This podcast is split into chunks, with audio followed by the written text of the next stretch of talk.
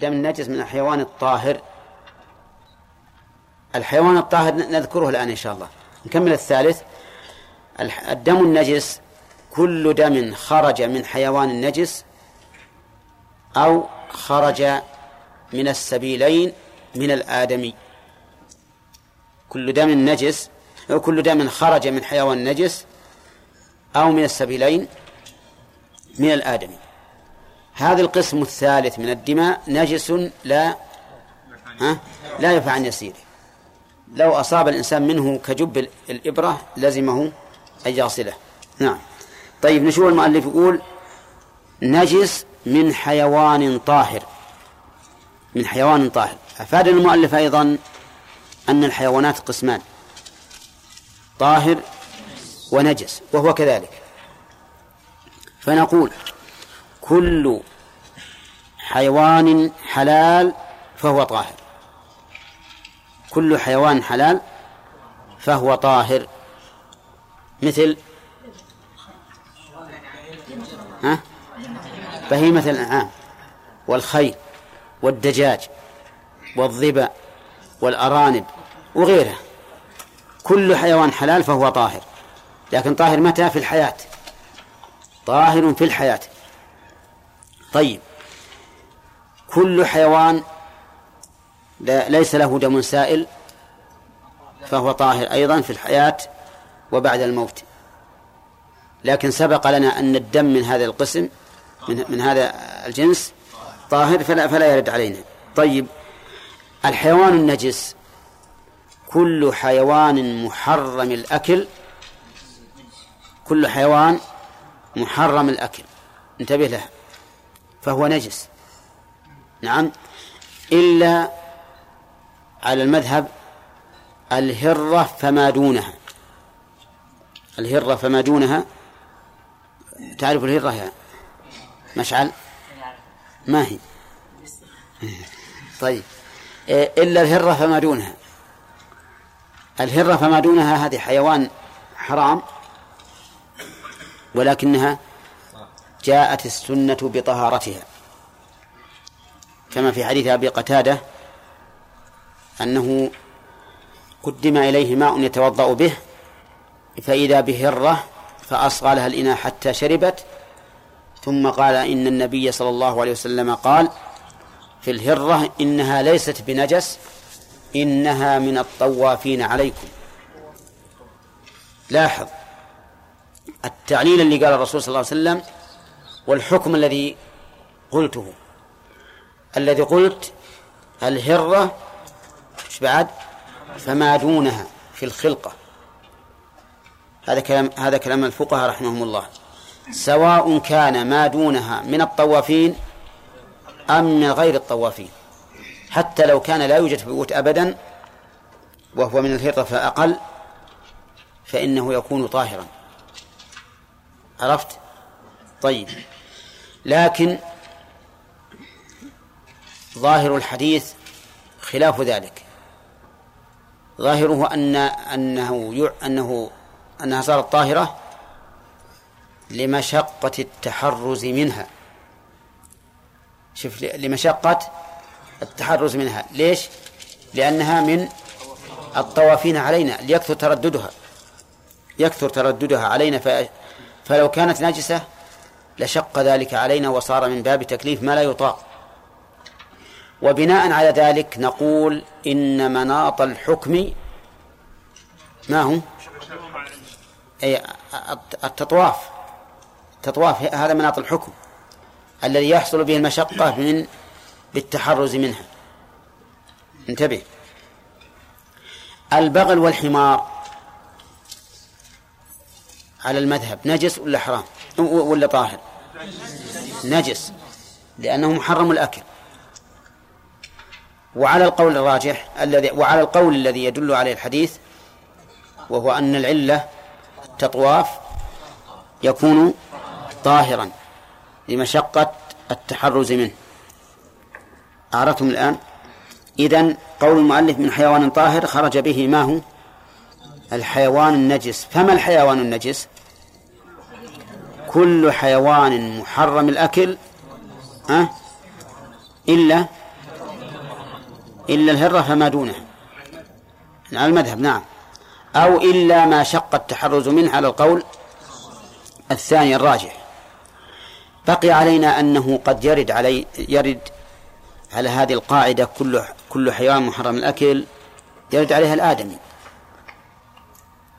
الآدمي حيوان محرم الأكل وأكبر من الهرة. ها؟ هل هو نجس؟ ها؟ ليس بنجس. ليس بنجس. نعم. الدليل الدليل حديث أبي هريرة. قال كنت مع النبي صلى الله عليه وسلم في بعض أسواق المدينة وكان عليه جنو وعليه جنابة. قال فانخنست فذهبت فاغتسلت ثم رجعت. فقال أين كنت يا أبا هريرة؟ قال كنت جنبا فكرهت أن أجالسك وأنا على غير طهارة. فقال النبي صلى الله صلى الله عليه وسلم سبحان الله إن المؤمن لا ينجس. إن المؤمن لا ينجس. وإذن فنقول يستثنى من قولنا كل حيوان محرم الأكل يستثنى منه الإنسان. طيب. هذا دقيقة. هذا إذا قلنا بأن الإنسان حيوان. أما إذا لم نقل بذلك نعم فإنه لا حاجة لا حاجة للاستثناء. لا حاجة للاستثناء. لأن نقول كل حيوان محرم الأكل. فهو نجس ما عدا الهرة فما دونها على المذهب أو ما عدا ما يمكن ما يشق التحرز منه كالهرة والفأرة والخيل والحمير. صح؟ الخيل حلال. إذا ما دخلت من الأصل. نقول البغال والحمير؟ صح. نعم. كيف؟ أيهن؟ هو الآخر يطالب بنجاسة الكافر هل هو نجس ولا طاهر؟ نزيد نعطيه دليلا على على طهارة الكافر حسيا لا الكافر حسيا الصحيح أنه طاهر. أي صحيح أنه طاهر. نعم. نعم. هذه ماتت. سقطت في سمن فماتت. هذا لفظ الحديث. وهذا ميت الميتة سيأتينا إن شاء الله ذكر الميتات. أن جميع الميتات نجسة. إلا السمك والجراد وما لا له سائلة والآدمي. ذهب أبي حنيفة واختيار شيخ الإسلام إن جميع النجاسات كل النجاسات يعفى عن يسيرها. وحينئذ يسهل الأمر. نعم. طيب هل يمكن أحد أن يجيب عنه؟ نعم يدبي وأيضا إلا أن يكون ميتة يقين أن الآدمي ما دخل في هذا. لأن الآدمي وهو حي لو ذكي يؤكل ما يؤكل. إيه نعم. المهم أنه ليس هناك دليل يوجب أن يتنزه الإنسان من الدم وأن الدم نجس لكن من تنزه منه على سبيل الاحتياط مراعاة لقول أكثر العلماء فهو أولى. لأن كون الإنسان يؤدي صلاته وهو مطمئن من صحتها خير من كونه يؤديها وهو في شك من ذلك. نعم. طيب.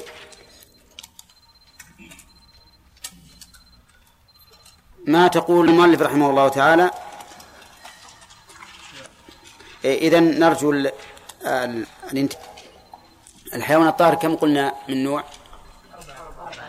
الآدمي؟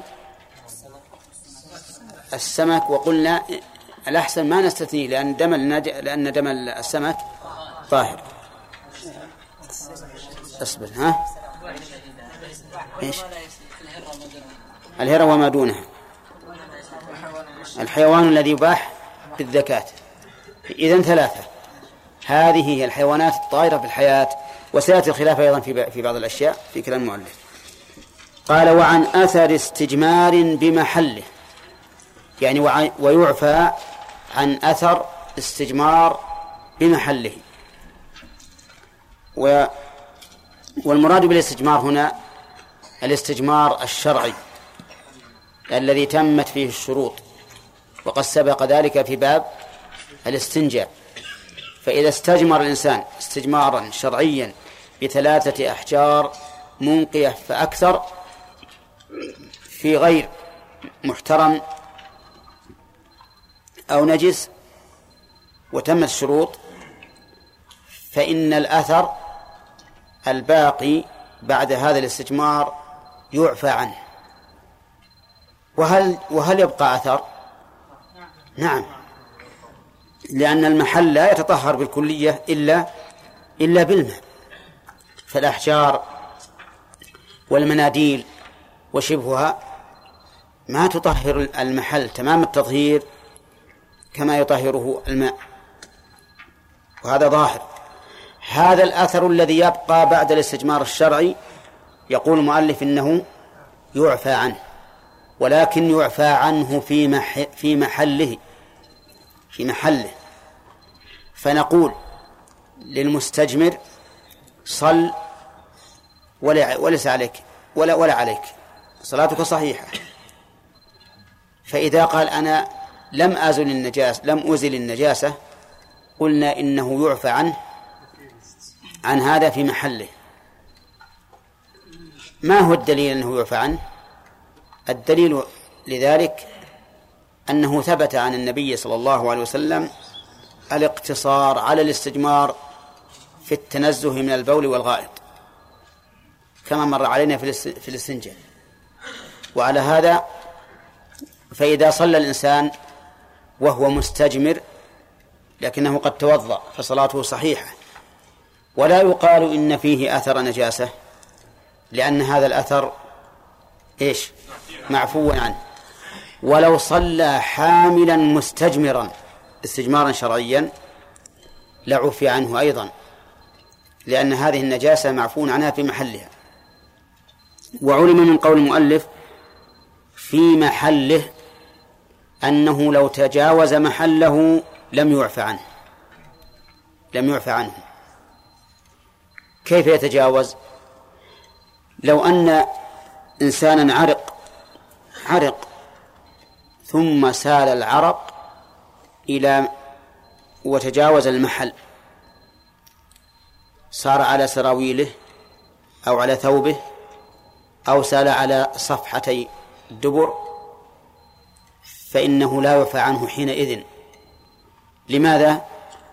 لأنه تعدى محله لأنه تعدى محله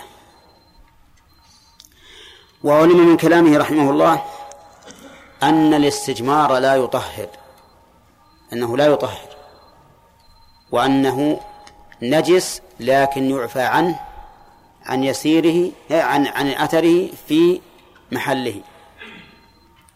ولكن الصحيح في هذه المسألة أن الاستجمار إذا تمت شروطه فهو مطهر فهو مطهر لقول النبي عليه الصلاة والسلام في العظم والروثة إنهما لا يطهران.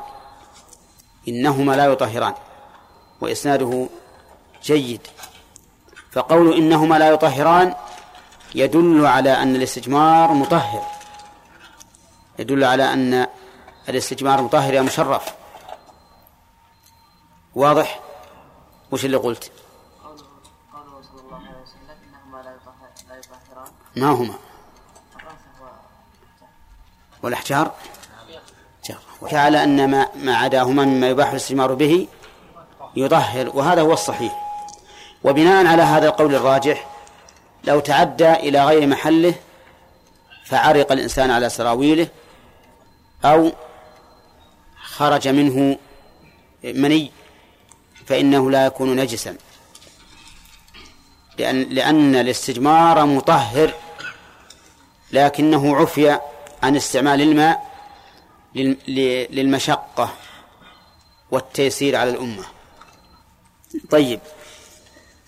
هذان اثنان مما يعفى عنه يسير الدم النجس من حيوان طاهر والثاني أثر الاستجمار بمحله.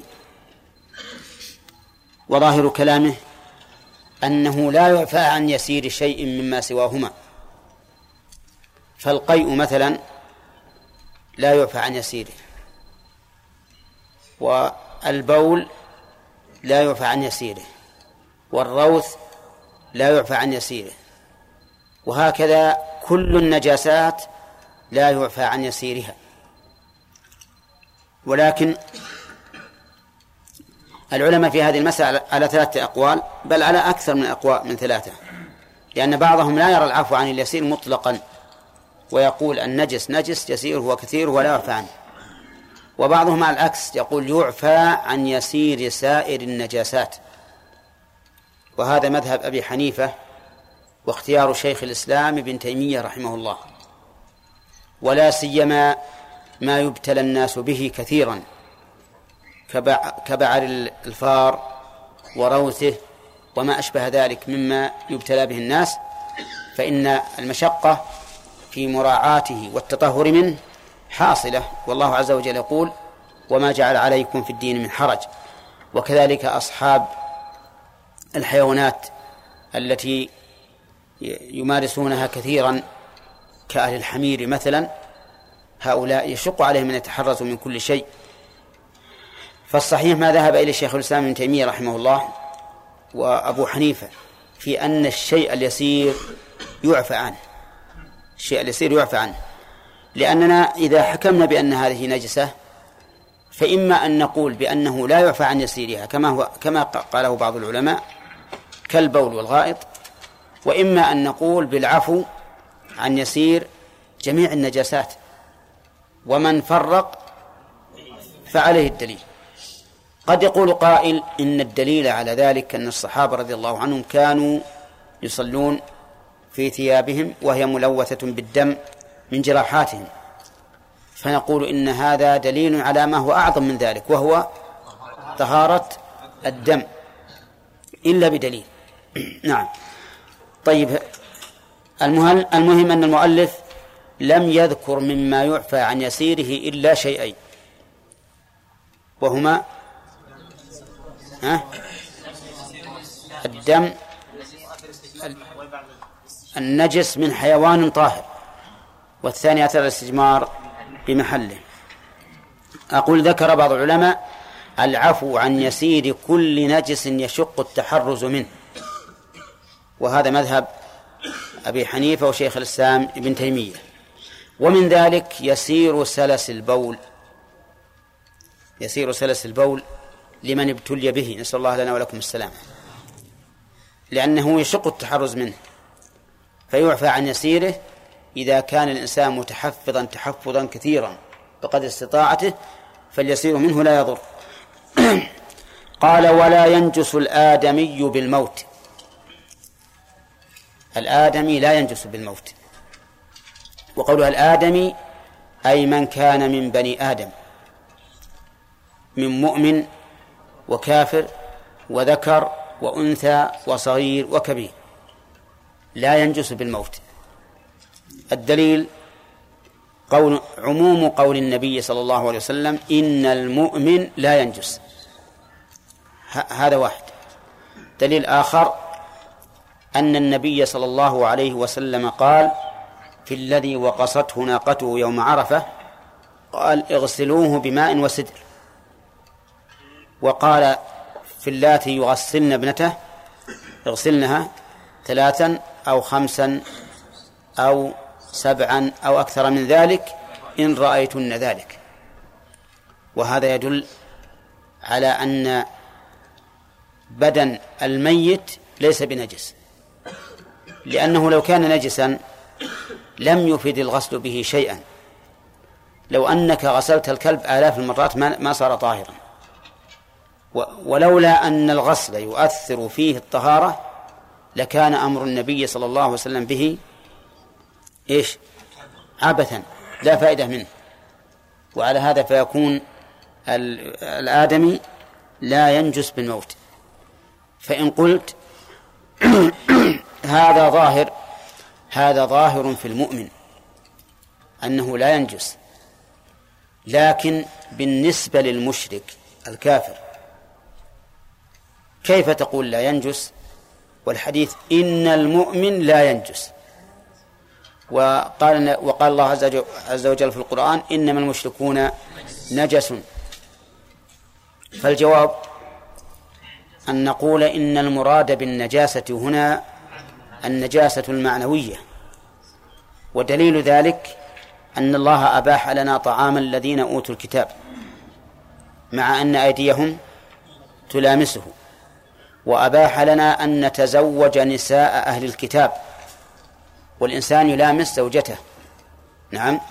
ولم يأمرنا بالتطهر منها فدل ذلك على أن النجاسة المذكورة في قوله تعالى إنما المشروك النجس ها؟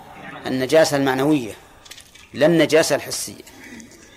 وعليه فالآدمي لا ينجس بموته. وذهب بعض العلماء إلى أن الآدمي الكافر ينجس بموته. واستدل بمفهوم الآية بمنطوق الآية الكريمة ومفهوم حديث أبي هريرة وأن هذا الكافر لا يغسل. لا يغسل. نعم. فإذا كان لا يغسل فالعلة فيه أنه نجس العين وما كان نجس العين لا يفيد فيه التأصيل لا لا قال الأول أصح. قال وما لا نفس له سائلة أنا عندي متولد من طاهر. إيه. وما أي والذي لا نفس له سائلة. نفس قالوا بمعنى دم. سائلة يعني يسيل إذا جرح أو قتل. وقوله متولد الصواب من حيث الإعراب أن يقول متولدا يعني حال. ولهذا في الشرح قدر المبتدأ فقال وهو متولد. ولا كان المفروض الواجب أن تعرب أن أن تنصب. المهم اشتراط المؤلف ثلاث شرط شرطين. أن لا يكون له نفس سائلة وأن لا وأن يكون متولدا من طاهر. فهذا لا ينجس بالموت لا ينجس بالموت. وفي الحياة أيضا لا ينجس من باب أولى. مثال ذلك الصراصر تعرفون الصراصر ها؟ الصوارير ما يخالف معروفة. ها؟ هذا يكون في الحمامات هذا. طيب إيش؟ زهيوي. طيب.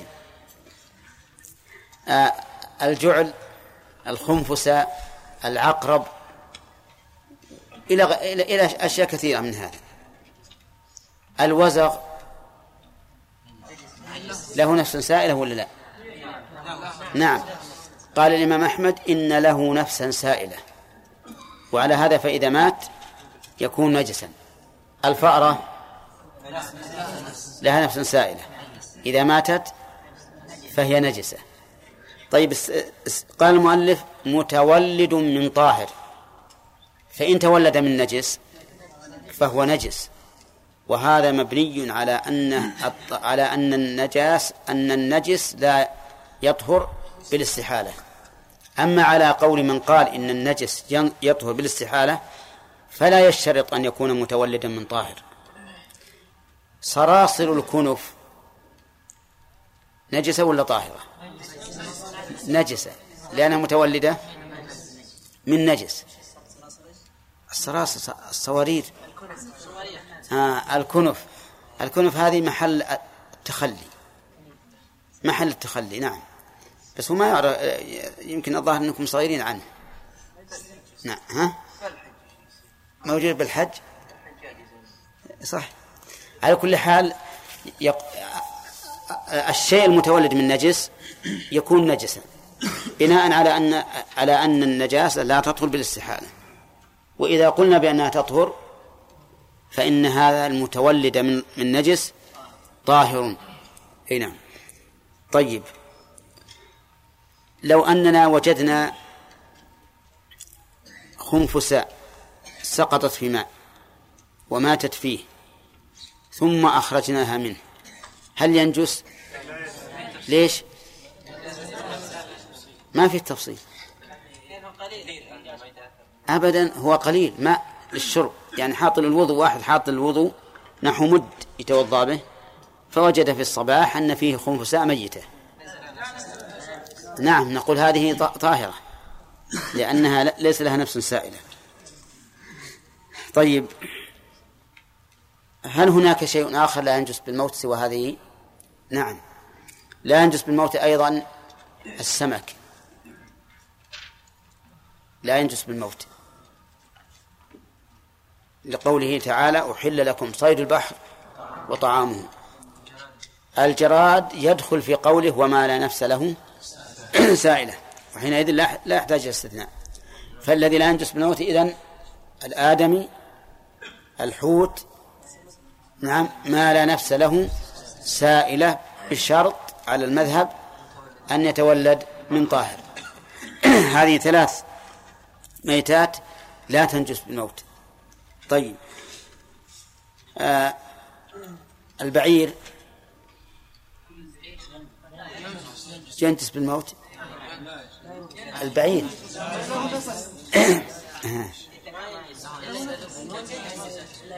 سبحان الله.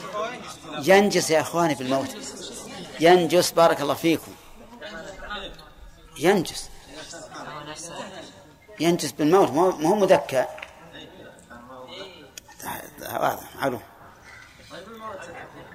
المهم على كل حال البعير ينجس بالموت. الهرة فما دونها؟ تنجس. تنجس بالموت لأن لها نفسا سائلة. لها دم يسير. كذا؟ طيب. البق لا ينجس. كذا البعوض. البعوض لا ينجس لأنه ليس له نفس سائلة. هي صغار البعوض. البق صغار البعوض.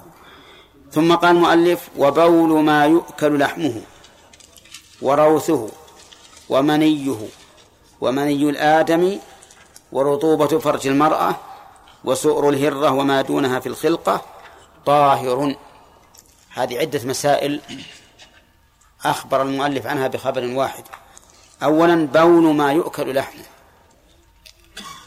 كالإبل والبقر والغنم والظبا والأرانب والدجاج وغيرها بولها طاهر.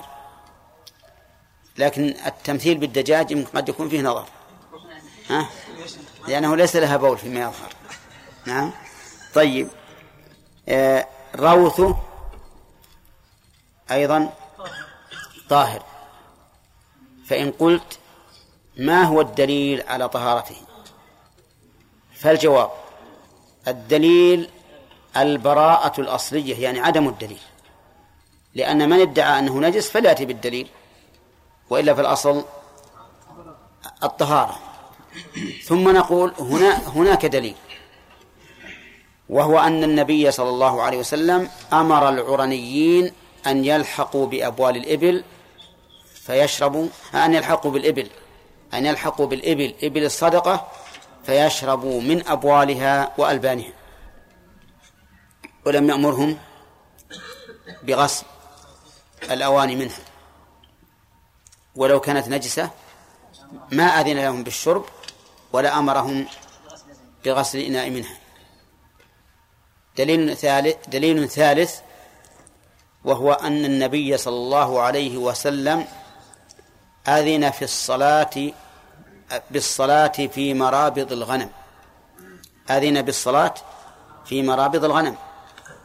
ومرابض الغنم لا تخلو من البول والروث. وعليه فيكون في ذلك دليل على على طهارتها. فإن قلت ما الجواب؟ عما ورد في حديث ابن عباس رضي الله عنهما في قصة صاحبي القبر أو صاحبي القبرين قال أما أحدهما فكان لا يستتر من البول من البول. والبول عام سواء جعلنا أل للجنس أو للاستغراق. هذا واحد. فإنه يدل وش يدل عليه؟ على نجاسة البول. ثانيا ما جوابك عن نهي النبي صلى الله عليه وسلم عن الصلاة في معاطن الإبل؟ فإن هذا يدل على نجاستها أيضا وإلا لما نهي عنه. فالجواب عن الأول أن قوله صلى الله عليه وسلم لا يستبرئ من البول أي بول نفسه فأل للعهد الذهني والدليل على ذلك أن في بعض ألفاظ الحديث عند البخاري أما أحدهما فكان لا يستبرئ من بوله من بوله. وهذا نص صريح فيحمل الأول عليه وتكون أل للعهد الذهني. لأن العادة أن الإنسان يتنزه من بوله عند كل ما بعد.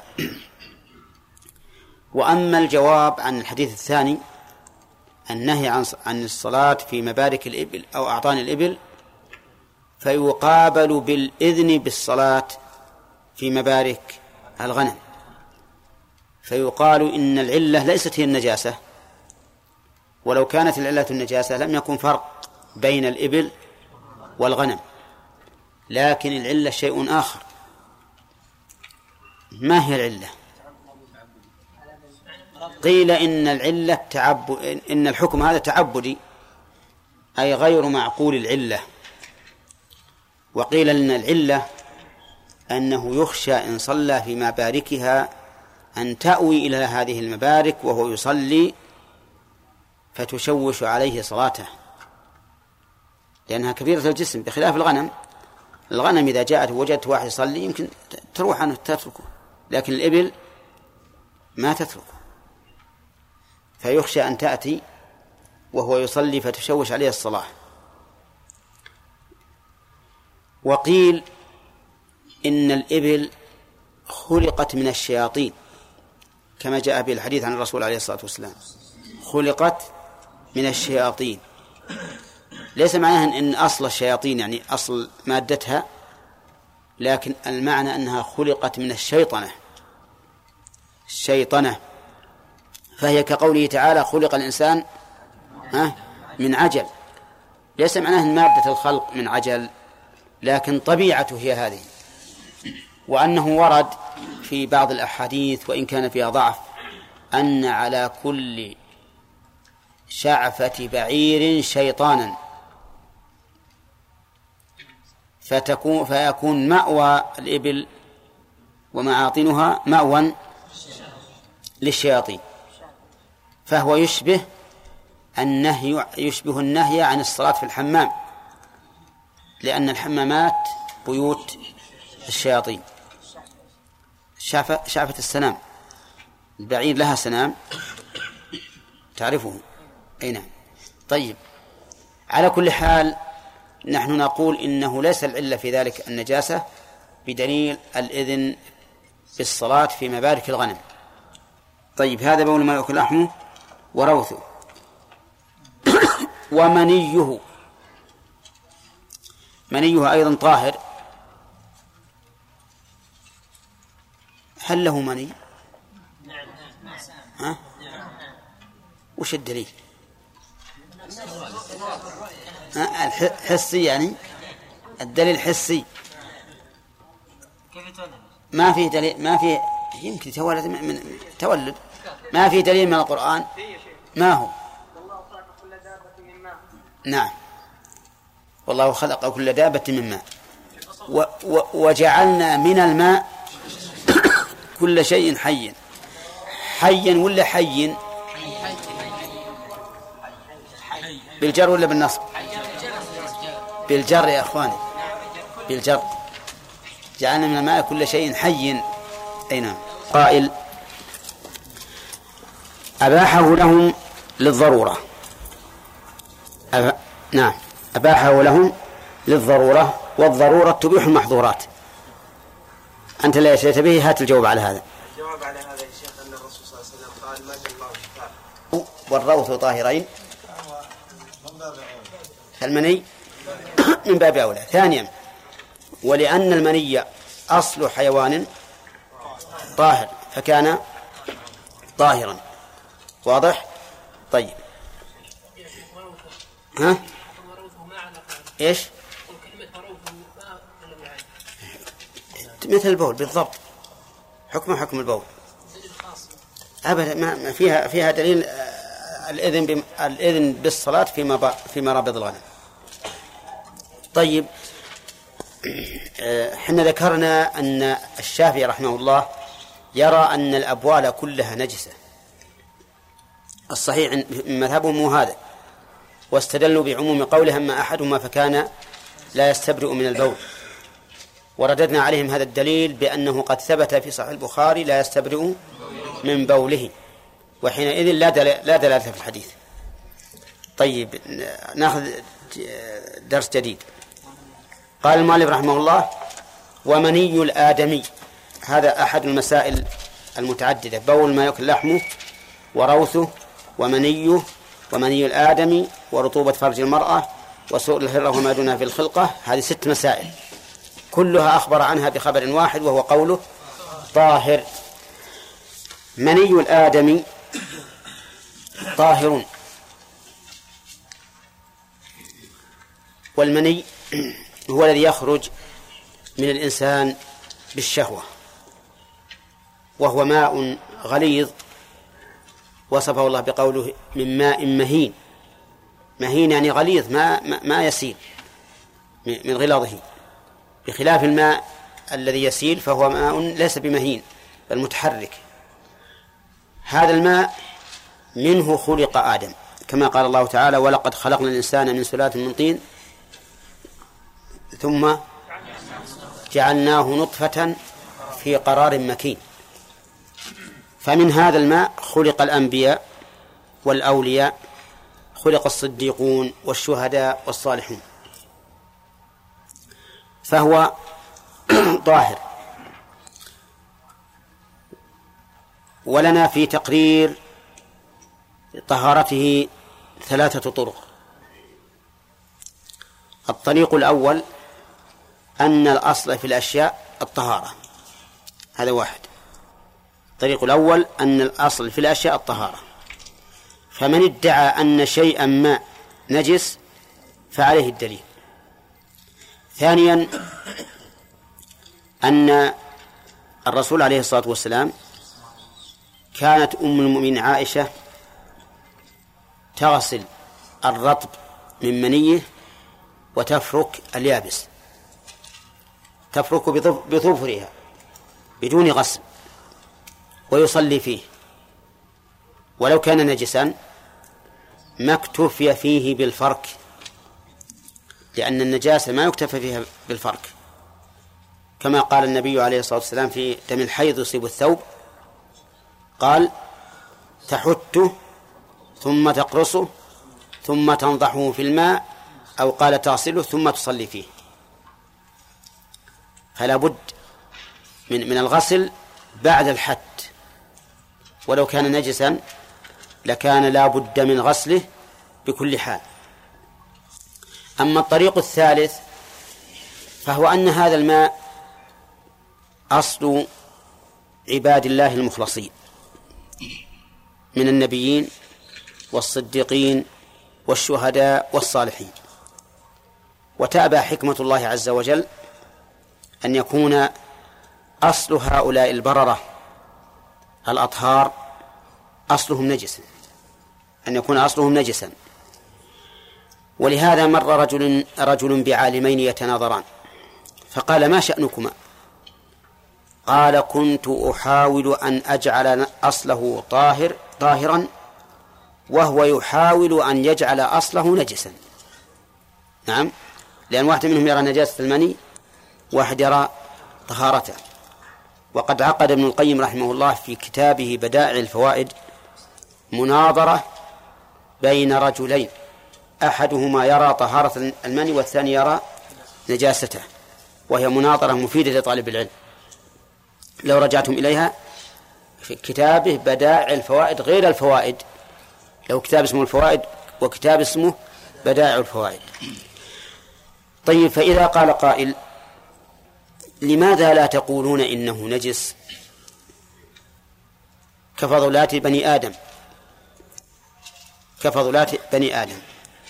فإن فضلات بني آدم كالبول والغائط نجسة. فلماذا لا تجعلون هذا مثله؟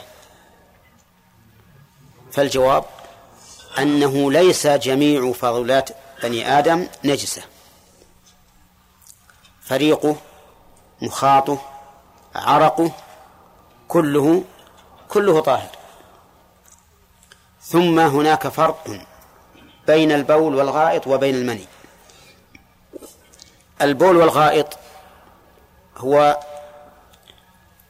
فضلة الطعام والشراب وله رائحة كريهة مستخبثة في مشام الناس وفي مناظر الناس فكان نجسا. أما المني فبالعكس. المني في الواقع خلاصة خلاصة الطعام.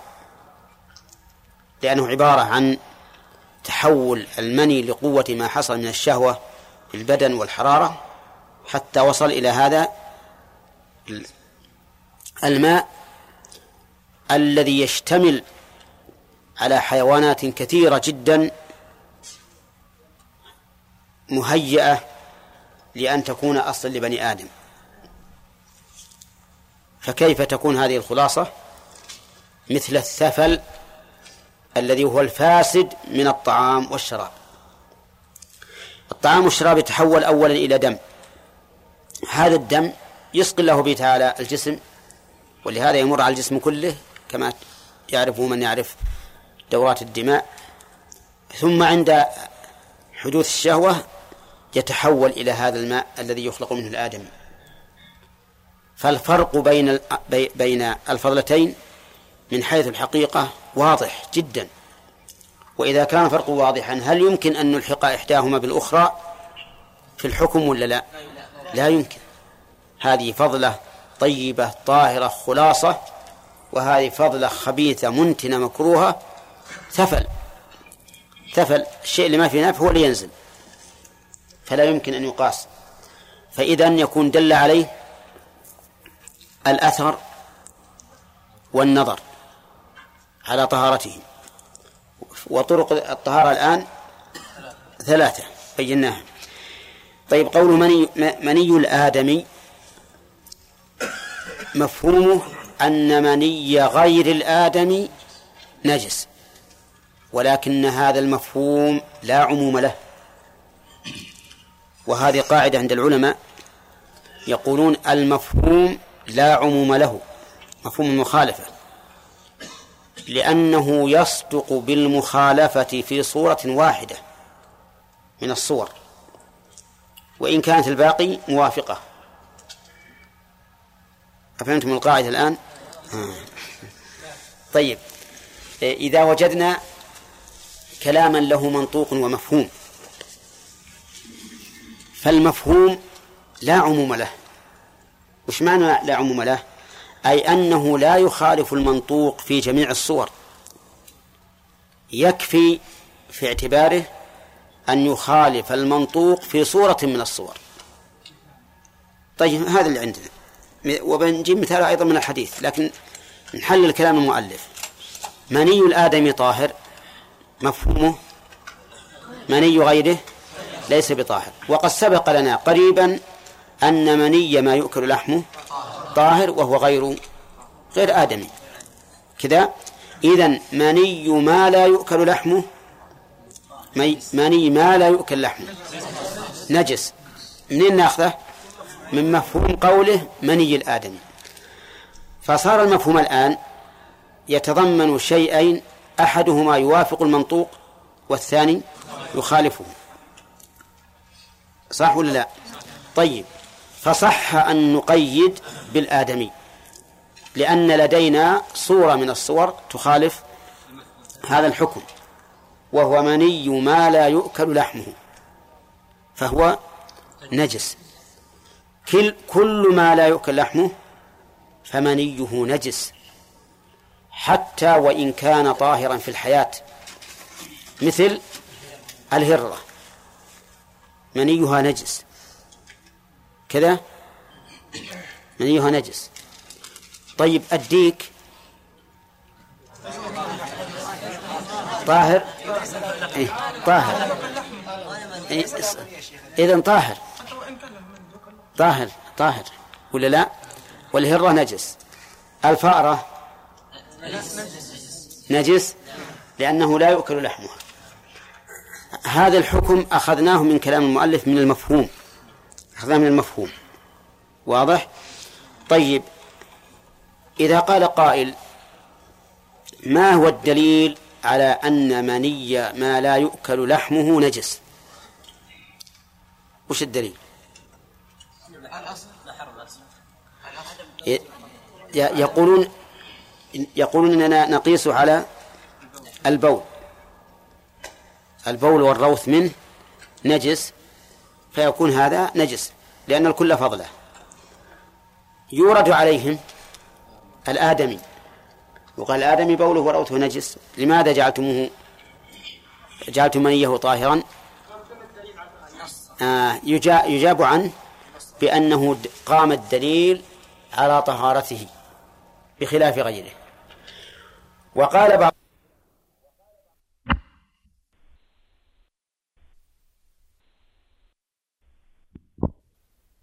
العرق والريق وشبهه. نعم. لكن الحمد لله أن هذه المسائل ما تعم بها البلوى. هذه مسائل الظاهر أنه يندر أن توجد. نعم. متى يلقى الإنسان مثلا هر نزع على هره وخرج منه شيء؟ وأبعد من ذلك فأر نزع على فأرة. نعم. هذه متى توجد؟ فالحمد لله أن مسألتها قليلة. نعم. والقول بأنها طاهرة أو المناظرات فيها نظر. وسيأتينا إن شاء الله تعالى في آخر الباب أن من أهل العلم من قال إنه يعفى عن يسير النجاسات في كل شيء إلا الكلب. نعم.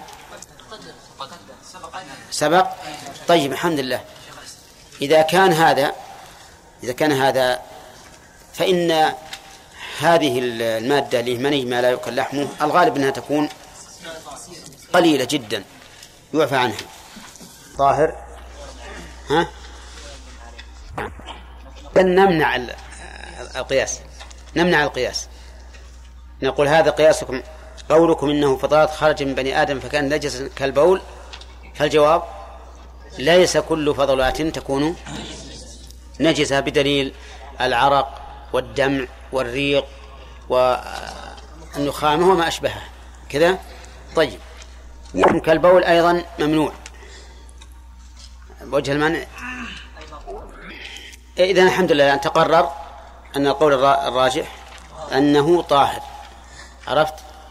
وقول بعضهم أنه كالمذي يقال هناك فرق بينه وبين المذي. فرق بينه وبين المذي. والمذي الصحيح أنه ليس كالمني. المذي آه، قصدي ليس كالبول. المذي الصحيح أنه ليس كالبول. وأنه وأن له حكما بين المني والبول.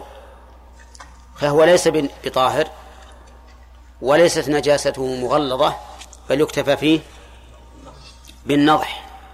وإن كان بعض العلماء قال إنه طاهر وجعل العلة أنه يخرج بسبب الشهوة فكان كالمني لكن يقال فرق بينه فرق. فهو طهارته مخففة. وأيضا يوجب شيئا من الغسل لكنه غسل محصور. ما هو؟ غسل الذكر والأنثيين فقط. لا غسل بقية البدن. طيب نعم. صحيح. هذا ما هو صحيح. أول ما كل أحد يحصل منه المذي أبدا. كثير من الناس ما يحصل منه المذي. طيب يقول المؤلف ورطوبة فرج المرأة. هذا مبتدأ درس اليوم. رطوبة فرج المرأة طاهر.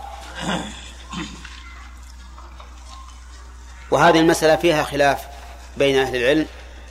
منهم من قال إن رطوبة فرج المرأة نجسة وأنها إذا أصابت الثوب نجسته ومنهم من يقول إنها طاهرة.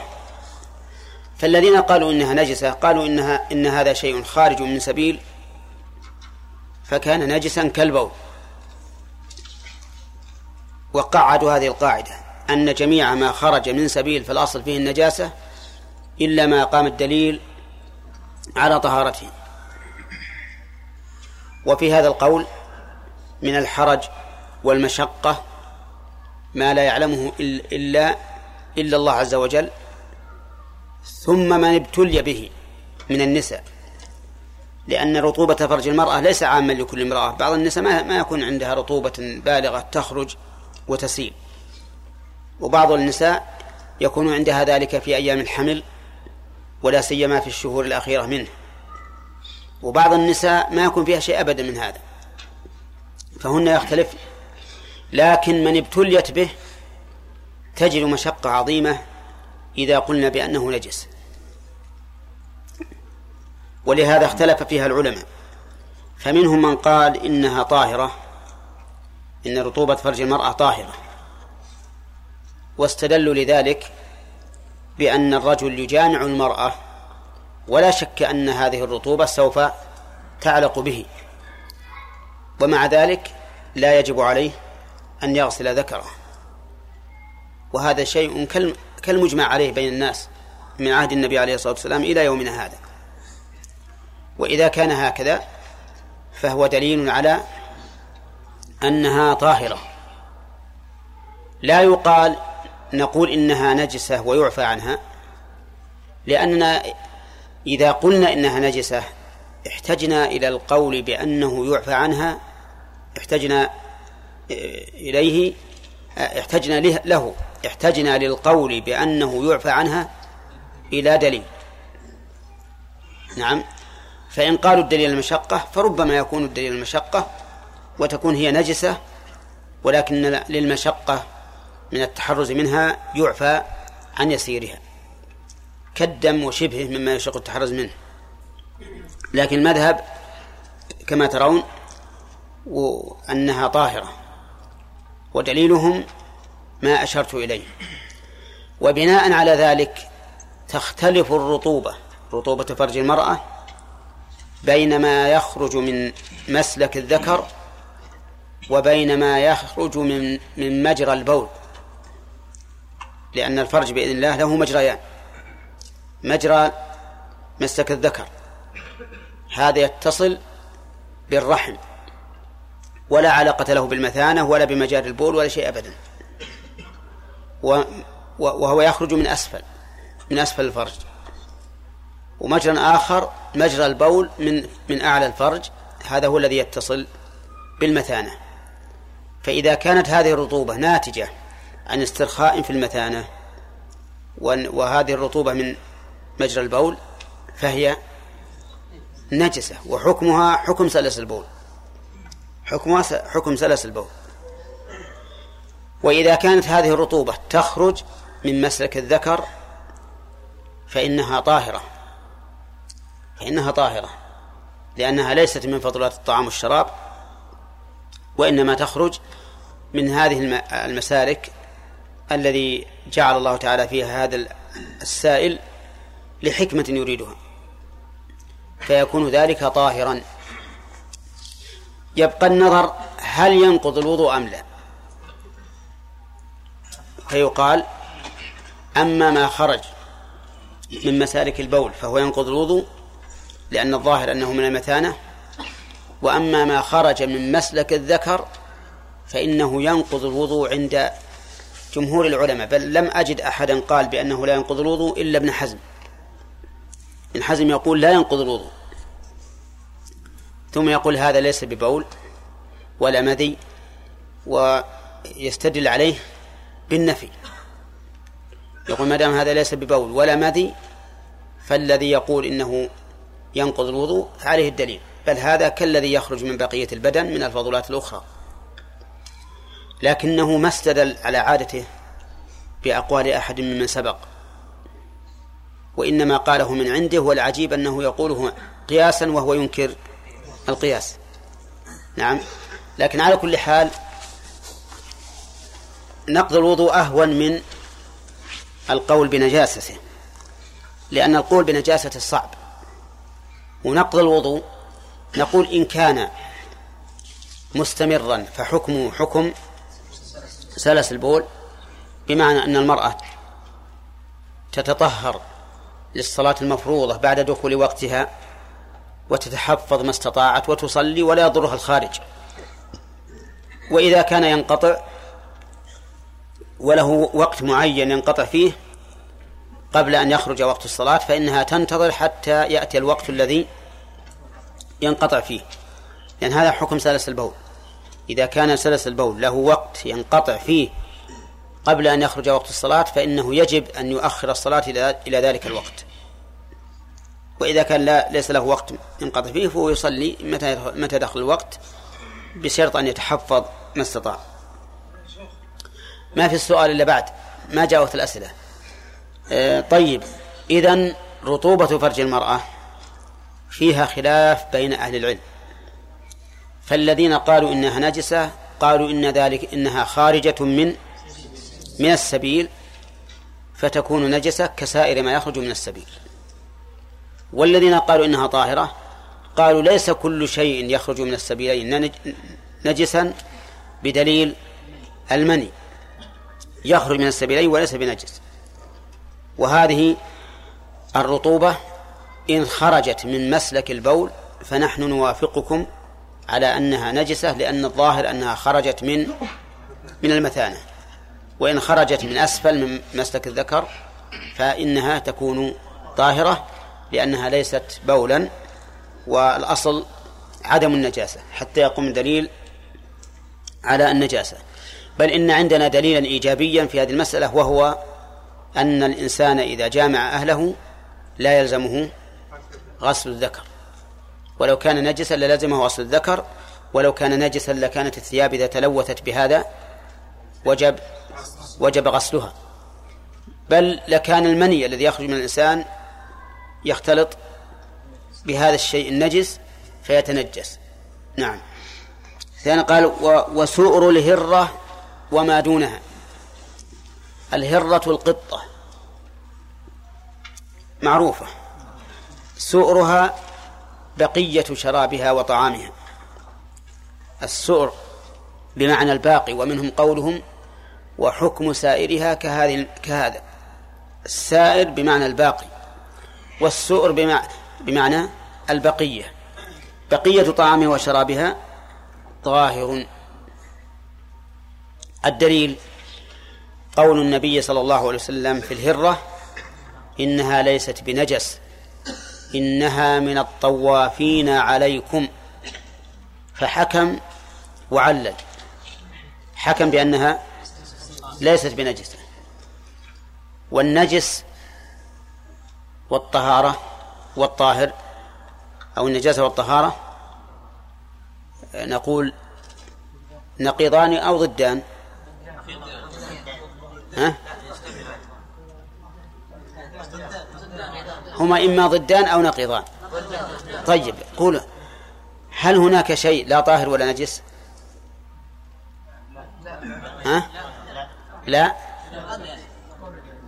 إذا كان ما في شيء لا طاهر ولا نجس فهما نقضان لأن الضدان اللذان لا يجتمعان لكن بينهما ثالث. بينهما ثالث. بمعنى أنه يمكن أن يرتفع كالسواد والبياض.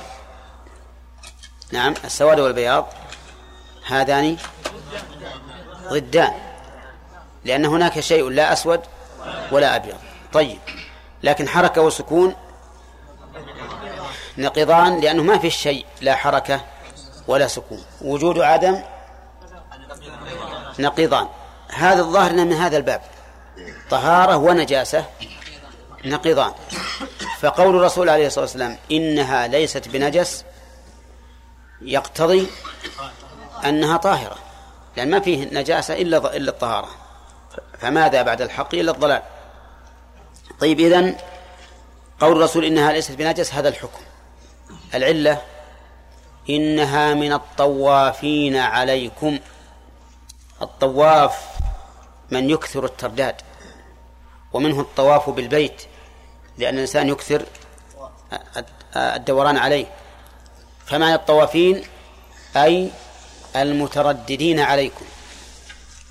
المؤلف رحمه الله يقول سؤر الهرة طاهر. ونقول نعم سؤر الهرة طاهر بمقتضى الحديث. طيب وما دونها في الخلقة؟ طيب القياس. قياسا عليها. القياس إلحاق فرع بأصل في حكم لعلة جامعة. ما هي العلة في كون هذه طاهرة؟ الهرة؟ الطواف. التطواف علينا. إذا كانت العلة التطواف التطواف علينا فالرسول عليه الصلاة والسلام ما قال إنها صغيرة الجسم. لو قال إنها صغيرة الجسم لقلنا سؤر الهرة وما دونها في الخلقة طاهر. انتبه. أقول إذن كون العلة صغر صغر الجسم صحيح ولا غير صحيح؟ غير صحيح. العلة التطواف. وكون التطواف علة معلوم المناسبة. وش المناسبة؟ مشقة التحرز. مشقة التحرز. إذن فلا ينبغي أن نعلق الحكم بما دون الهرة. ثم لو أردنا أن نقيس قياسا تاما لقلنا سؤر الهرة وما كان بقدرها. لأن ظاهر كلام المؤلف أن ما كان بقدرها من السباع التي لا تؤكل فهو نجس لأنه قال الهرة وما دونها. فنقول على تقدير أن تكون العلة صغر الحج صغر الحجم فيجب أن تقولوا سؤر الهرة وما ساواها في الجسم في البدن طاهر لا أن تقولوا وما دونها لأن لا لا بد أن يكون الفرع مساويا للأصل. فالذي يترجح عندي أن العلة التي يجب أن تتبع ما علل به النبي صلى الله عليه وسلم وهي أنها من الطوافين علينا وعليه. فكل ما كان كثير الطواف على الناس مما يشق التحرز منه فحكمه كالهرة حكمه كالهرة. إلا أنه يستثنى من ذلك ما استثناه الشرع وهو الكلب.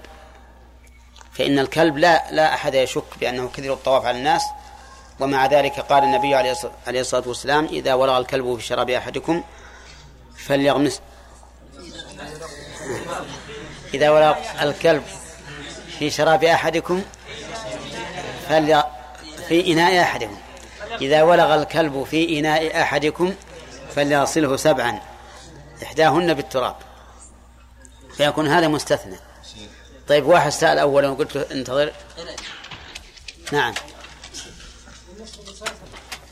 يترك جماعة صلاة جماعة لأن هذا عذر. الأهلي والبغل منه نجسة.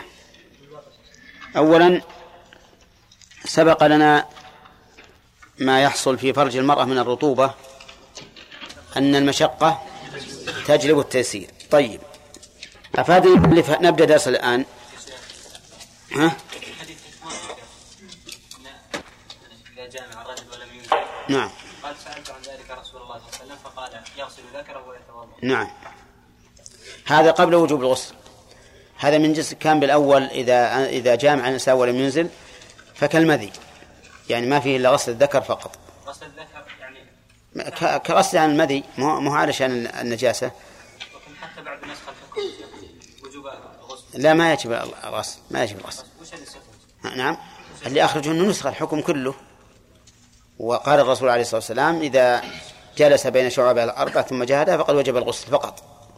والغسل غير الغسل لأن الغسل لابد فيه من من من دلك أو شبهه مما يزيل الأثر وهذا ليس بواجب في الغسل. نعم. المعروف أن الماء يتقدم الجماع فيتلون طرف الذكر. ما هو على كل حال يا أخي ما هو كل الناس كذا. لا كثير آه كثير من الناس ما ما عنده مذي عند الجماع. إيه. نعم. الغالب يخرج. والله ما نقدر عاد نحكم على الغالب ولا هذا يحتاج إلى تتبع الناس. أخذ استفتاء لكن والذي يخرج يتعين عليه غسل الذكر. إذا خرج لأن المعروف إن المذي إنما يخرج عندما تفتر الشهوة. وأما في أول ثورانها فليس فيه مذي. هذا الغالب. هذا اللي أنا أعرف اللي أنا أعرف هذا. من خرج يتعين عليه غسل اي معلوم. لأن المذي هذا نجس. طيب يقول المؤلف وسباع البهائم والطير والحمير والحمار الأهلي والبغل منه نجسة. قول السباع الظاهر أنه بالرفع. نعم. يعني وسباع مبتدأ ونجسة خبر. وليس المراد سؤر سباع البهائم.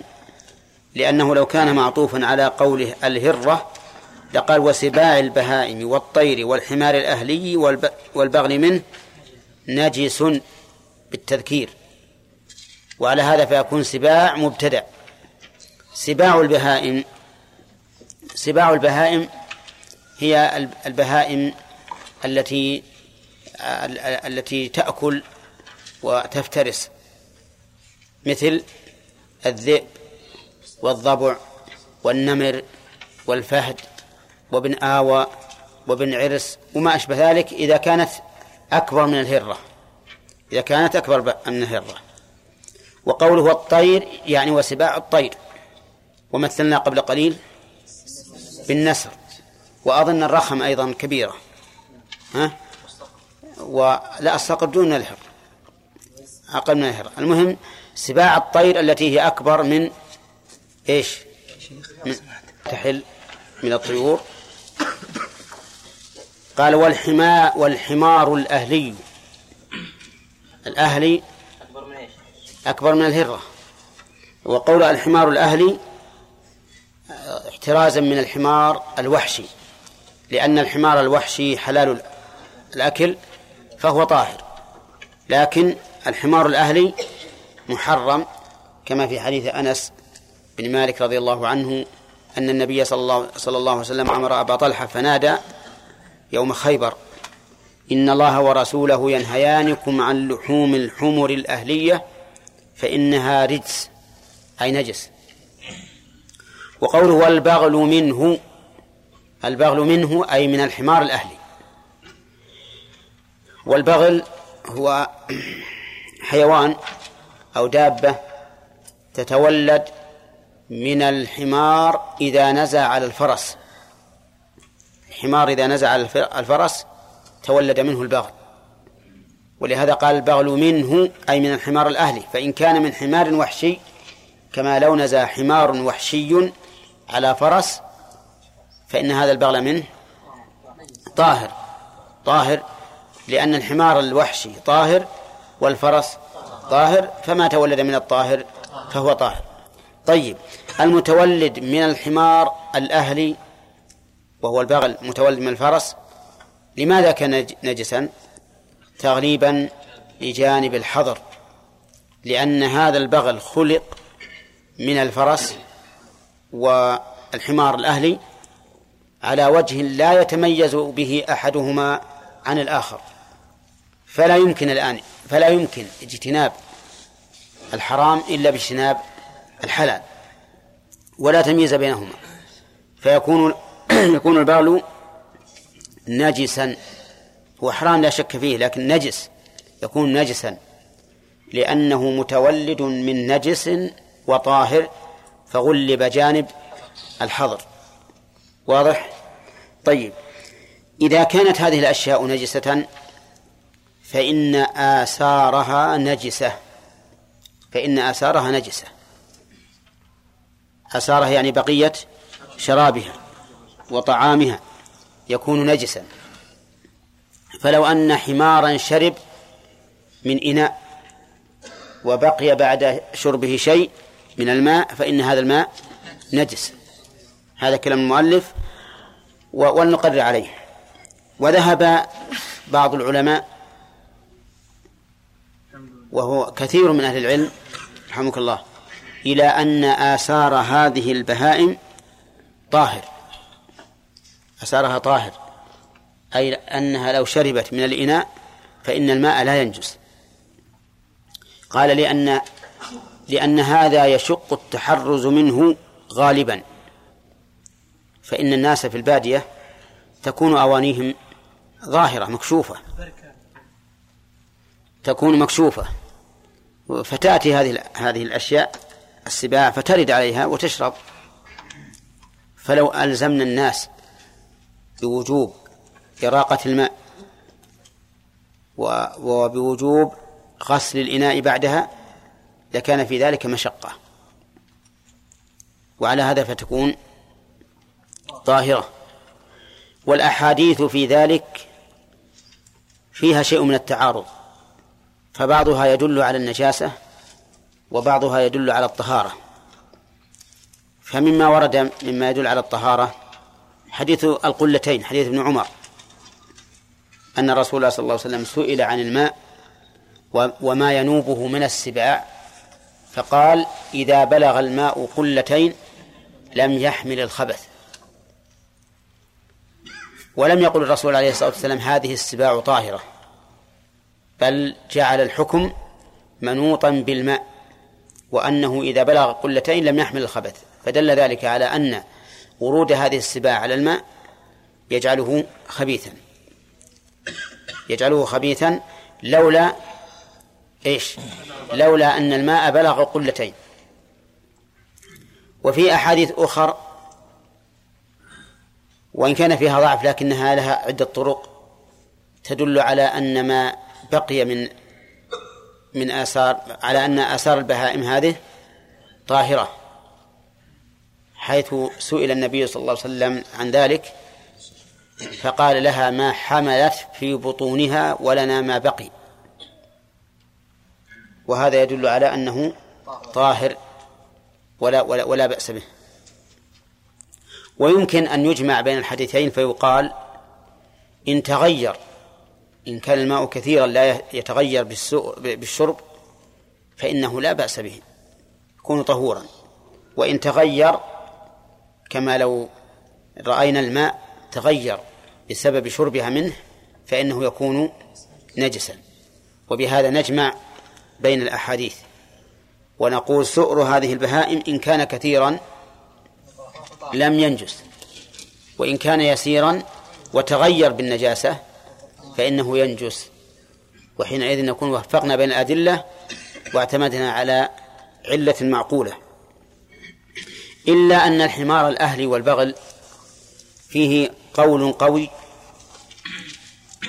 أو فيهما قول قوي بالطهارة يعني أنهما طاهران. وهذا اختيار موفق رحمه الله من أصحاب الإمام أحمد ومن العلماء المجتهدين في مذهب الإمام أحمد. يقول الصحيح طهارة البغل والحمار. لأن النبي صلى الله عليه وسلم وأصحابه بل والأمة يركبونهما. ولا يخلو ركوبهما من عرق ومن مطر ينزل وقد تكون الثياب رطبة أو البدن رطبا, رطبا. ولم يأمر النبي صلى الله عليه وسلم أمته بأن يتحرزوا من ذلك.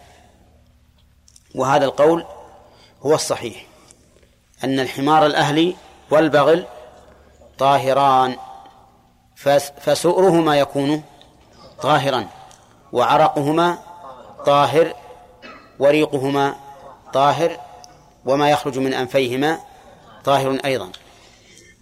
لا لا وهذا يؤيد ما أشرنا إليه من قبل في حديث أبي قتادة في الهرة إنها من الطوافين عليكم.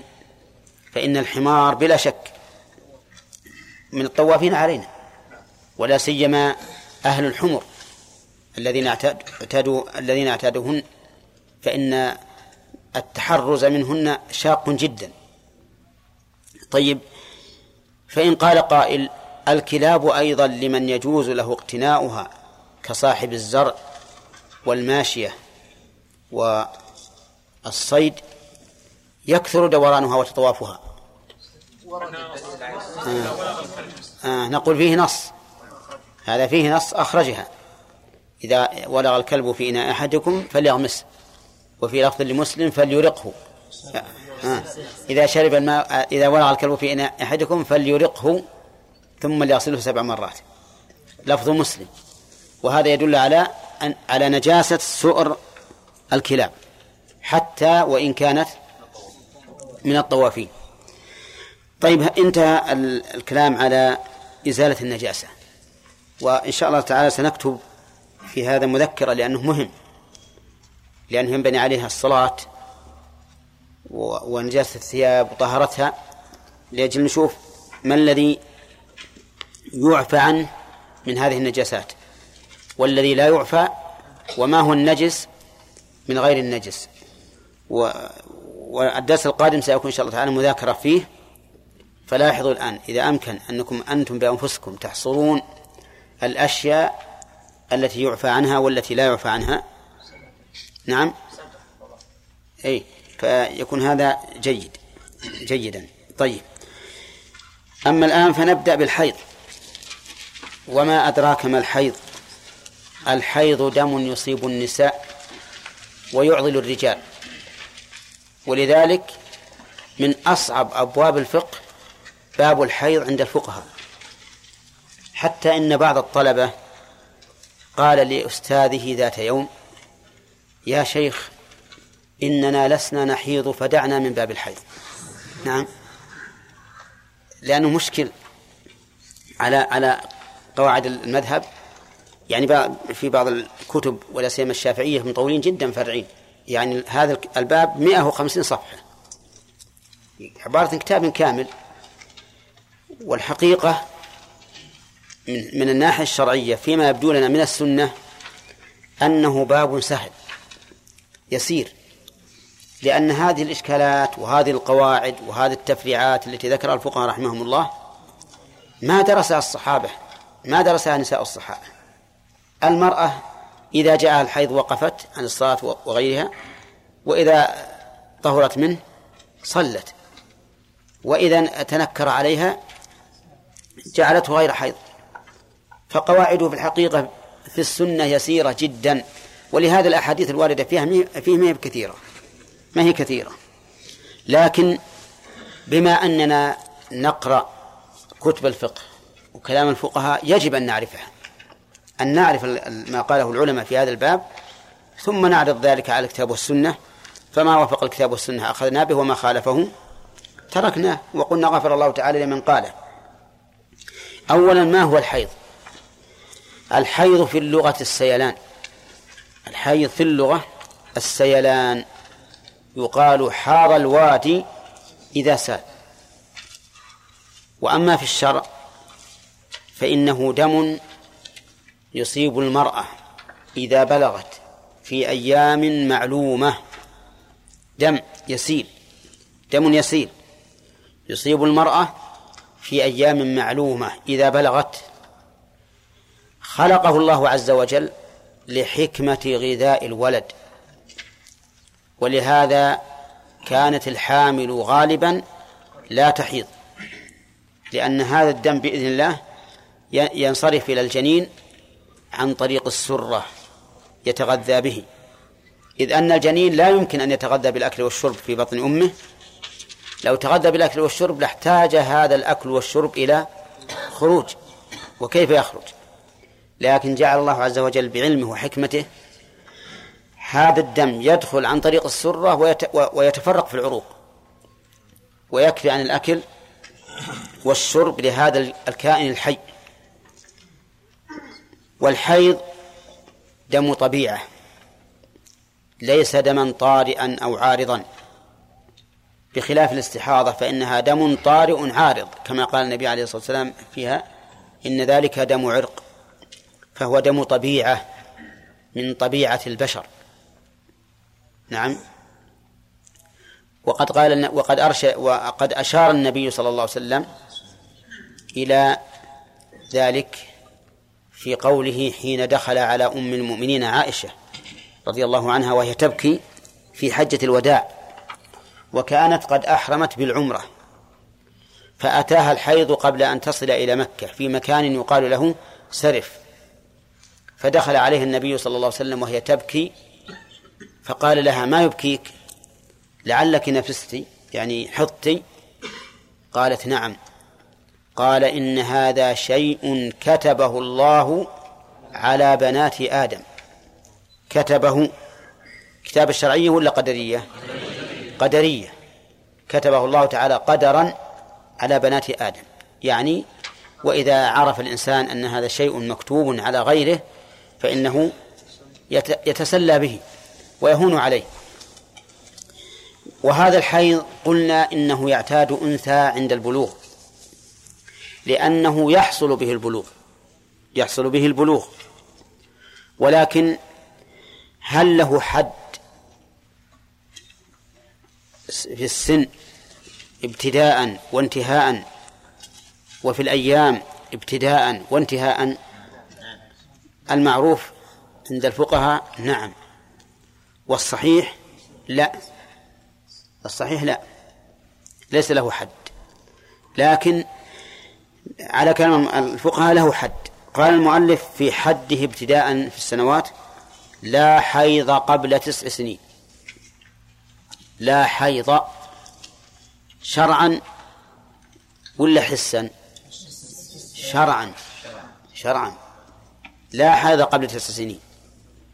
فإن حاضت قبل التسع قبل تمام التسع فليس بحيض.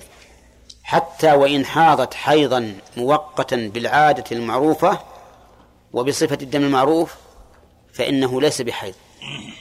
دم عرق. لا يثبت له أحكام الحيض. إذا لا حيض شرعا أو حسا شرعا. قبل تسع سنين دخولها أو انتهائها؟ لا انتهائها. قبل انتهائها. فإذا حاضت أم تسع فليس بحيض. وبعد التسع حيض. كذا؟ نشوف كلام المؤلف الآن. لا حيض قبل تسع سنين. إن نظرنا إلى ظاهر كلام المؤلف قبل ابتداء التسع. وإن نظرنا إلى المعنى العام قلنا بعد انتهاء التسع وهو كذلك. ولا بعد خمسين. ولا بعد خمسين. خمسين إيش؟ خمسين سنة. فلو أن امرأة استمر بها الحيض استمر بها الحيض على وتيرة واحدة وطبيعة واحدة ومدة واحدة بعد تمام الخمسين فليس بحيض. مثال ذلك امرأة تتم الخمسين سنة في شهر ربيع الأول. فجاءها الحيض على عادته في شهر ربيع الأول. في شهر ربيع الثاني جاءها الحيض كما هو على عادته. نعم. على كلام المؤلف ليس بحيض. على كلام المؤلف ليس بحيض. ليش؟ لأنه بعد الخمسين. ولا حيض بعد الخمسين. ولا فرق عندهم بين المرأة العربية والأعجمية ولا بين المرأة الصحيحة والمرأة المريضة ولا بين المرأة التي تأخر ابتداء حيضها والتي تقدم. بعد الخمسين لا حيض. طيب ما هو الدليل؟ لأن هذا حكم شرعي لا بد له من دليل. قالوا الدليل لأن ذلك غير معروف عادة. غير معروف عادة. يعني أن العادة الغالبة أن لا تحيض المرأة قبل تمام تسع سنين.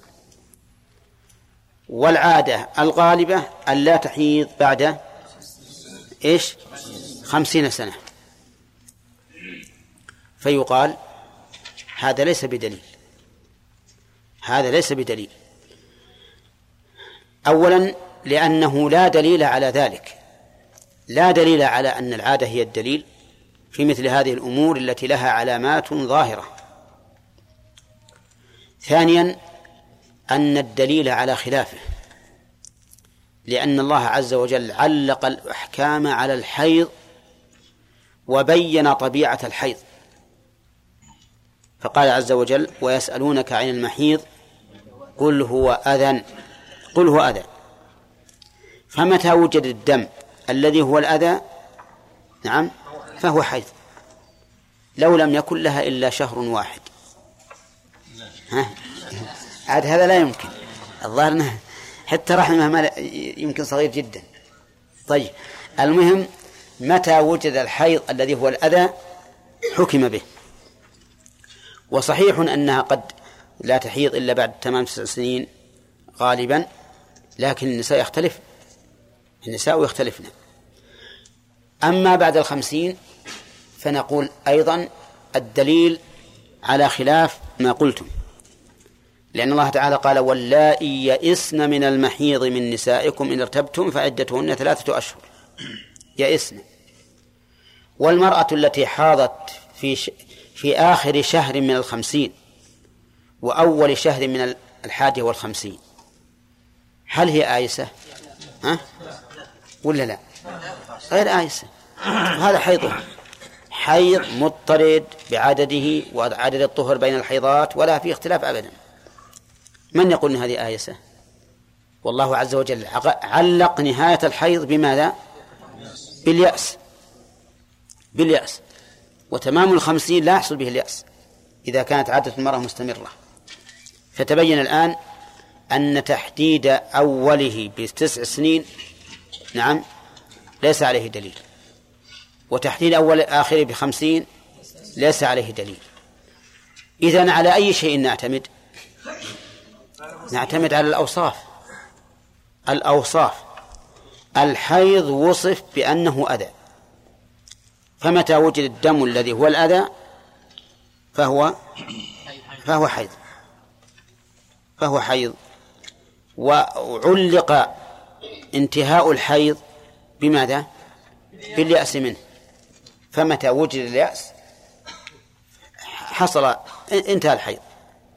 وإلا فما يأتي المرأة فهو حيض. قال المؤلف ولا مع حمل. يعني ولا حيض مع حمل. فهذه ثلاثة أشياء اثنان زمنيان وواحد حال. وش الحال؟ الحمل. يعني ولا حيض حال كون الأنثى حاملا. وش الدليل؟ الدليل من القرآن والواقع.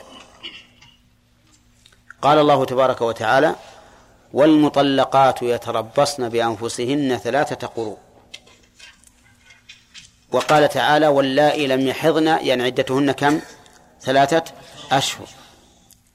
وقال تعالى وأولاة الأحمال أجلهن أن يضعن حملهن. فدل هذا على أن الحامل لا تحيض. إذ لو حاضت لكان عدتها بثلاث حيض. بثلاث حيض. هذه عدة المطلقة. فهذا دليل من القرآن على أن الحامل لا تحيض. إذ لو حاضت لكانت عدتها كم؟ ثلاثة قروء لو حاضت لكان عدتها ثلاثة قروء. هذا دليل. دليل آخر واقعي حسي وهو أن الحامل لا تحيض. قال الإمام أحمد إنما تعرف النساء الحمل بانقطاع الحيض. بانقطاع الحيض. وهذا يدل على أن الحمل لا حيض معه. أفهمتم الآن؟ طيب. إذن عندنا دليل من القرآن ودليل من الواقع المحسوس. وقال بعض العلماء بل الحامل تحيض. إذا كان ما ما يأتيها من الدم هو الحيض المعروف المعتاد لها فإنه حيض. فإنه حيض. واستدلوا بما أشرنا إليه أولا. من أن الحيض إيش؟ أذى. فمتى وجد هذا الأذى ثبت حكمه. وأما إلغاء الاعتداد بالحيض بالنسبة للحامل فليس من أجل أن الحيض لا يصح أن يكون عدة للحامل فليس من أجل أن ما يصيب المرأة من الدم ليس بحيض ولكن من أجل أن الحيض لا يصح أن يكون عدة مع الحمل. لأن الحمل يحكم أو لأن الحمل يسيطر على ما عداه من العدد. الحمل يسمى عند الفقهاء آه، أم العدد فهو حاكم على كل ما سواه من العدد. ولهذا لو مات الرجل عن امرأته ووضعت بعد ثلاث ساعات من موته ها انقضت العدة. بينما المتوفى عنها زوجها عدتها كم؟ أربعة أشهر وعشرة أيام. ألغي حتى العدد حتى الزمن ألغي. فالسبب في هذا الحكمة من ذلك لا لأن الدم ليس بحيض ولكن لأن الحمل أقوى. الاعتداد بالحمل أقوى من الاعتداد بغيره. واضح؟ ولهذا لو حاضت الحامل ثلاث حيض مضطردة كعادتها تماما فإن عدتها لا تنقضي. عدتها لا تنقضي بالحيض. ولهذا أيضا تعرفون أن طلاق الحامل جائز ولو وطئها الإنسان في الحال. السبب لأنها تشرع في العدة من يوم يطلق. ما له عدة حيض. فيجوز طلاقها في الحال ويثبت ويثبت ويقع عليها الطلاق. فالحاصل أن الحم أن الحيض يكون مع الحمل. على القول الراجح لأنه تبين أن ما استدل به لعدم وجود الحيض ليس بدليل صحيح. فإذا رأت الحامل الدم المضطرد الذي يأتيها على وقته وشهره وحاله فإنه حيض. تترك من أجل الصلاة والصيام وكل ما تفعله الحائض إلا أنه يختلف عن الحيض الآخر بأنه لا عبرة به في العدة. والسبب لماذا لا عبرة في العدة؟ لأن الحمل أقوى منه. أي نعم. محمد؟